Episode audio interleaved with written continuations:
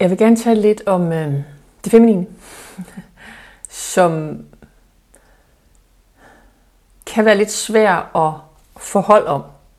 Og jeg vil også tale lidt om at rejsen i at forstå dybderne af det feminine, som udfolder sig via vores evolutionære rejse som mennesker. Og noget af den kortslutning, der lidt er sket i, at vi er kommet til at fortolke det feminine, som om det har noget som helst med lange negle og makeup og tøj og lingerie og hårfrisyr at gøre. Det feminine har intet med dit ydre udtryk at gøre. Som overhovedet intet. Og det, at vi kommer til at reducere og forstå det feminine, som det er en kæmpe klods om benet. Så det vil sige, det betyder ikke, at der er noget galt med at få lavet negle, eller få sat hår, eller, eller hvordan du nu vælger at pleje dig selv, og hvilket udtryk du nu har. Men det er, en, det er kvindelighed. Altså det har noget med, hvordan du har et udtryk som kvinde. Der er ikke noget med det feminine at gøre. Det feminine er værens tilstand. Væren med det, som er. Og når du bruger dit udtryk, dit kropslige udtryk, har en bestemt intention om, at det skal have en påvirkning i verden. Det skal, det skal gøre noget med verden, som kan give dig noget. Det kan skabe en partner, det kan få anerkendelse, det kan gøre, det kan, det gør et eller andet. Det er ikke som sådan en feminin kvalitet. Det handler egentlig om, at det, man kan sige, det er faktisk meget maskulint. Det er faktisk en maskulin kvalitet at have en intention eller have en tanke med, hvordan jeg klæder mig og stiller mig frem i verden det har en påvirkning, så jeg får et eller andet ud af det. Og grunden til, at jeg taler om det her, er ikke fordi, jeg skal blande mig i, hvad du gør med din krop. Hvordan, hvad tøj du tager på, hvordan du farver dit hår, hvad du ikke gør sådan noget. Fordi det er for dig for noget af. Blander mig i. Grunden til, at jeg taler om det her, det er, fordi det er vanvittigt vigtigt, at vi får brudt illusionen om, at det feminine har noget som helst med dit udtryk at gøre. Fordi der har vi fanget det feminine. Vi har simpelthen fået bokset hende med stort H, inden og fængslet hende på en, en ufattelig, ufattelig trist måde. Så jeg vil bare gerne have adskilt de to ting ad. Altså vist, de to ting har intet med hinanden at gøre.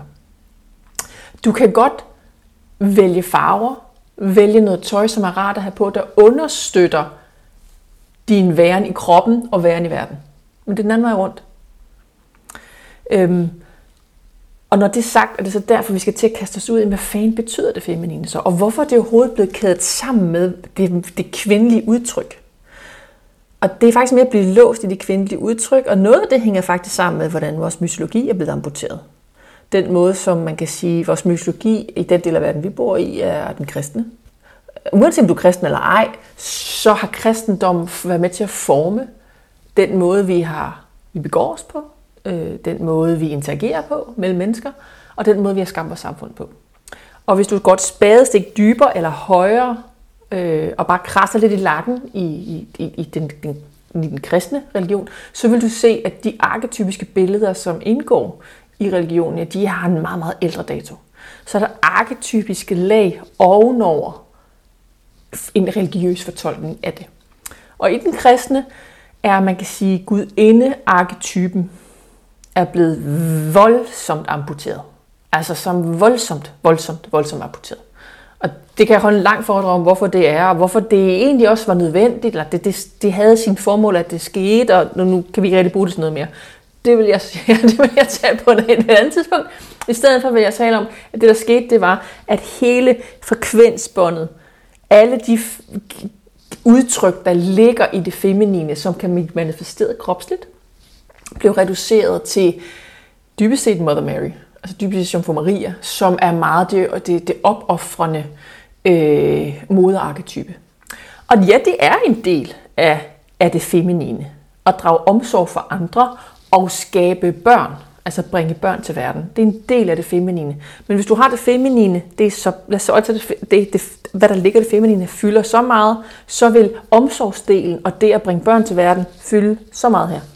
Så det er bare for at sige, at det er et enkelt lille bitte nedslagspunkt af, hvad det feminine er, som er blevet taget ud, og som er blevet sagt, det her det er lige med at være øh, det feminine. It's fucking bullshit. Og problemet er, at den mytologi også er kommet til at fastholde kvinden, fordi det feminine er desværre blevet fortolket som om, hun er lige kvinden. Det er heller ikke rigtigt.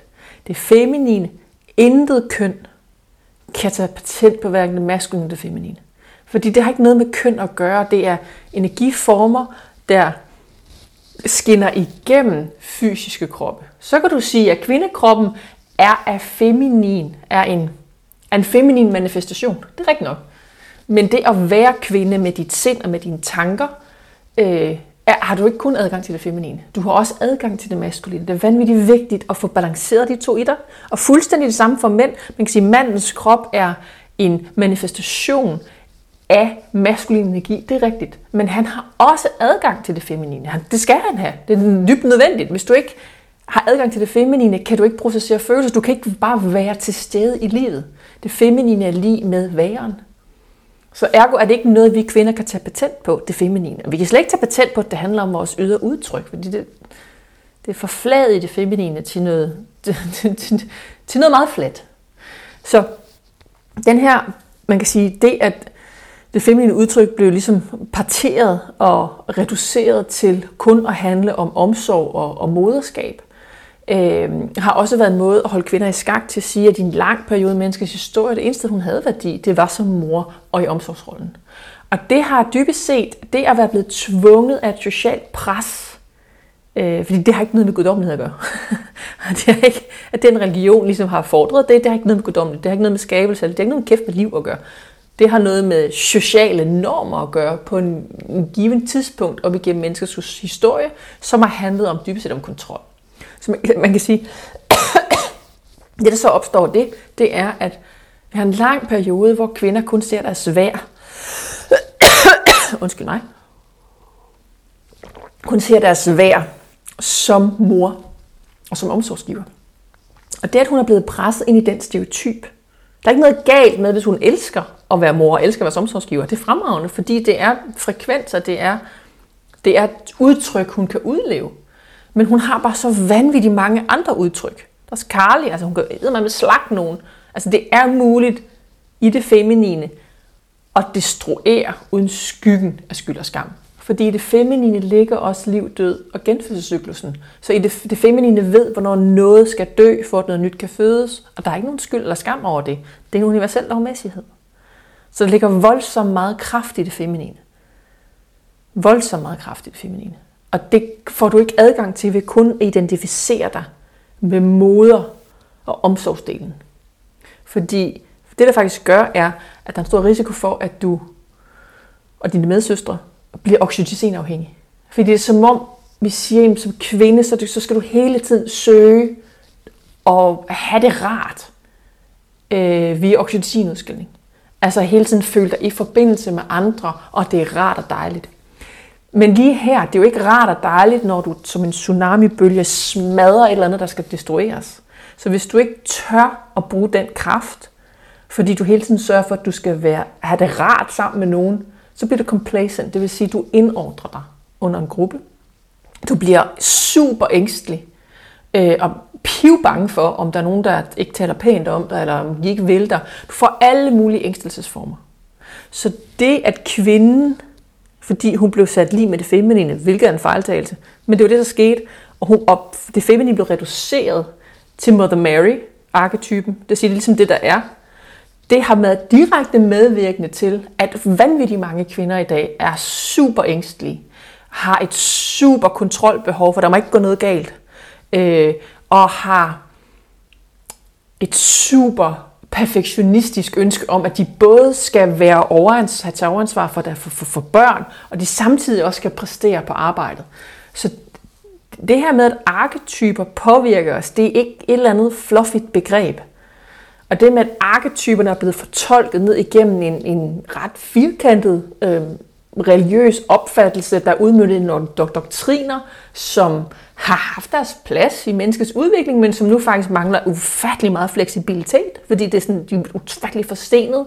Det har direkte påvirkning på din hverdag som kvinde. Det at få øje på det og mærke det, giver dig så også kraften til at begynde at vriste dig fri på de måder, som du er kaldet til at vriste dig fri på. Og det vil sige, at den måde, du kan vriste dig fri på, det er ved at kigge på, jamen hov, du har adgang til det feminine Men det feminine er slet ikke så smalsporet, som du er blevet fortalt. Altså det, det er en løgn. Det er ikke rigtigt. Så du har faktisk muligheden for at begynde at eksperimentere med alle de aspekter, der er indeholdt i det feminine. Og som ikke har en kæft med dit moderskab at gøre. Og det er også for dig som kvinde, sidder du og lytter til det her, og du har haft sådan en fornemmelse, at jeg føler mig enormt kontakt med det feminine, men jeg har aldrig haft lyst til at bringe børn til verden. Kan jeg vide, om der er sådan noget galt med, min, med, med, med det feminine? Overhovedet ikke. Du kan være fuldt ud i forbindelse med det feminine, og mærke et kald til, hvad du skal skabe, som ikke har en kæft med børn at gøre. Det at føde børn er blot en måde at skabe på. I det feminine, altså du kan føde universer. Du, du kan føde hvad som helst. Det behøver ikke at være et fysisk barn. Så ja, der er skønhed i at føde et fysisk barn. Men der er ikke skønhed i at reproducere og føde børn, hvis du faktisk ikke er kaldet til det. For så vil det forårsage smerte. Og ja, jeg har mødt kvinder, og bliver ved med at møde kvinder, som åbner op og fortæller mig, at hvis de skulle gå tilbage for, for nogle år tilbage, hvor de traf valget om at få børn, at så ville de faktisk have fravalgt at få børn. At de følte sig presset af en social norm, plus en biologi, det, sådan, det gør alle, det er, ligesom, det er ligesom det, man skal. Det bliver sådan en ubevidst handling. Ikke dermed sagt, at nu er børnene kommet, og de elsker børnene. Ja, det gør de. Men de ville stadigvæk have besluttet noget andet. Og det kan være ekstremt tabuiseret at sige. Det er nærmest som om, det må, det må en kvinde overhovedet ikke nærme sig. Fordi puha, så spreder hun ikke ben for fædrelandet og producerer de her unger. Ikke? Og misforstå mig ikke at være mor, som jeg også selv er, og bringe børn til verden, kan være og er vanvittigt smukt. Men hvis det er en form for en ubevidst ting, der bare bliver puttet ned over dig, som for eksempel når jeg hører nogle politikere sige, at vi skal have 2,2,5 børn per familie, for ellers så består vi ikke. Altså at putte skabelse ind i et regneark? No way. Det er ikke din pligt at levere børn, fordi en anden politiker siger det. Det er ikke din pligt at levere børn, fordi en eller anden, whoever says it, en eller anden fiktiv Gud, som nogen har dikteret, har sagt det.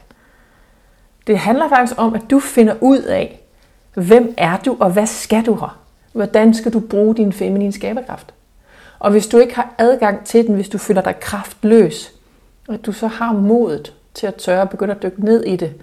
Fordi alle kvinder, og mænd også, men nu lige kvinder, jeg taler til i dag, har adgang til den feminine kraft. Så der vil sidde kvinder derude, hvor I ikke føler, at I har adgang til kraft. Og hvor I enten er bange for jeres egen kraft, eller faktisk endnu mere er hunderede for, at I bare blev forbigået. At det ikke er jer ondt. At det ikke er noget, I har adgang til. Det, det er taget fra jer. Og det er ikke sandt. Alle kvinder kan genforbinde sig med deres kraft. Og alle kvinder har muligheden for at møde deres angst for deres egen kraft. Og alle kvinder har muligheden for at møde deres frygt for, at de ikke har adgang til kraft. Og det er vidderligt et sted her, hvor vi kvinder kan hjælpe hinanden. Det er desværre også et sted, hvor vi kan komme til at spænde ben for hinanden. Fordi en ting er, at mænd kan finde en kraftfuld kvinde meget intimiderende. Et andet problem er, at vi kvinder kan have rigtig svært ved at håndtere kraft. Vores egne og andres. Og at vi kan komme til at misforstå alfainstinkter som kvinder også kan udspille og udvise, som om hun er kraftfuld. Dominansadfærd har aldrig, aldrig, hverken i en kvinde eller en mand, noget med feminin kraft at gøre. Det er heller ikke noget med maskulin kraft at gøre. Nu er det lige den feminine kraft, jeg taler om i dag. Så i en kvindegruppe kan der godt være en alfahund, der dominerer. Og dominerer med sin adfærd, som handler om, hvis du ikke underkaster dig, så bliver du bagtalt. Hvis du ikke retter ind, så bliver du ekskluderet. Ikke med direkte ord konflikt, bare mere med, at du lige pludselig så bliver du ikke inviteret. Lige pludselig er du smidt ud af en gruppe, eller du får bare ikke invitation til et eller andet. Der bliver intet sagt, men lige pludselig bliver dine beskeder bare ikke besvaret, eller personen ringer ikke mere til dig. Feminin, øh, det er jo ikke engang fem, det er kvindeligt, det er ikke noget med feminin at gøre. Kvindelige øh, omgangsmåder at fastholde strukturer og fastholde dominanser og fastholde indflydelse er meget giftige, øh, kommer ud af sidebenene og nonverbale. Så det er ikke specielt tit, der er en direkte konfrontation, når noget af det opstår i kvindegrupper eller venindskaber. Det, øh, det opstår ved øh, dyb tavshed og kulde. Der er bare ingen respons. Lige pludselig hører du bare ikke fra den der veninde mere. Eller du ser billeder af, at der har været en gruppe sammen, du plejer at være del af, som har mødtes, uden der er nogen, der har sagt noget som helst til dig. Og du vil opleve, at du også i sådan situationer kan miste andre venindeskaber eller andre kvinder i en gruppe. Fordi det, der sker, det er, at hvis der er mange kvinder, vil være bange for, at det samme sker for dem, så de vil være nødt til at rette ind i forhold til den, som er lederen. Og her vil kvinder, alle kvinder, mig selv inklusiv, alle kvinder vil have oplevet på et eller andet tidspunkt, at de har bagtalt en medsøster i længslen efter at føle sig mere samhørig med den person og de personer, de sidder sammen med. Og det er faktisk her, hvor vi kommer ind i vores oxytocin-misbrug. Øh, oxytocin er et vidunderforbindelseshormon. Men vi kan også blive afhængige af det, at vi kan komme til at misbruge det på, på grov vis, når vi, når, vi, når vi agerer ubevidst.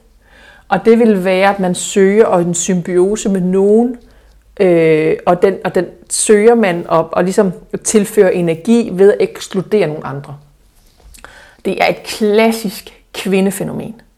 Og vi er altså nået så langt i vores evolution, at det, det, at det kaster lange, lange skygger øh, ind over og, og genforbinde os med vores kraftfuldhed, for det er en kæmpe barriere.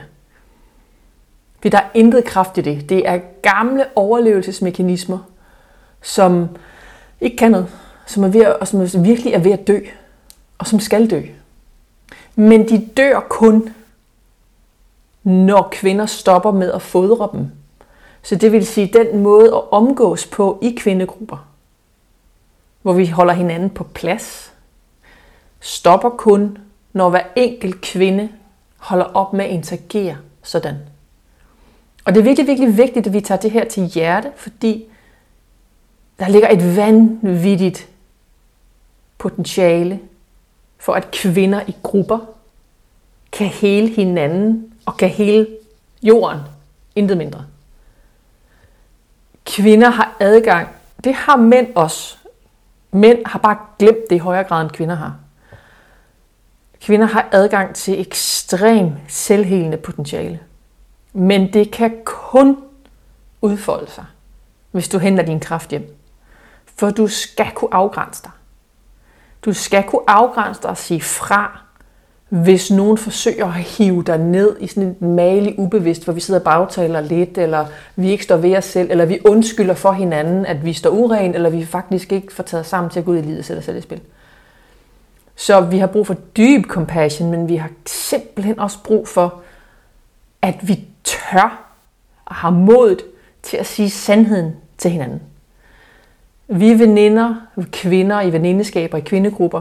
Vi er alt for gode til at tælle hinanden efter munden, og dermed også fastholde os i offerrolle. Fordi vi dybest set prøver på at holde kraften nede, fordi vi er bange for den i os selv og i den anden.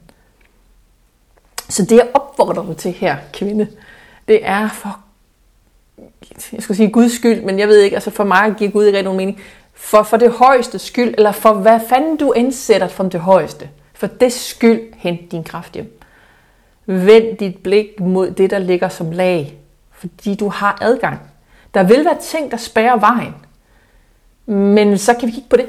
Så kan vi tage os af det. Så kan du møde det. Lag for lag for lag. For kraften er der, og den kan integreres. Så hvad end du gør, vil jeg invitere dig til at opfordre dig til at kaste dig ud på den rejse. Og det kan fucking ondt, og du vil blive overvældet, og du vil føle dig til tider meget ensom. Men du vil også opleve ekstrem hjerteåbning, livsglæde, styrke og ekstase. Så når du tør smerten, når du tør udforske mørket med din bevidsthed og din opmærksomhed rettet mod det, så har, evner du også og begynder at kunne være i ekstase.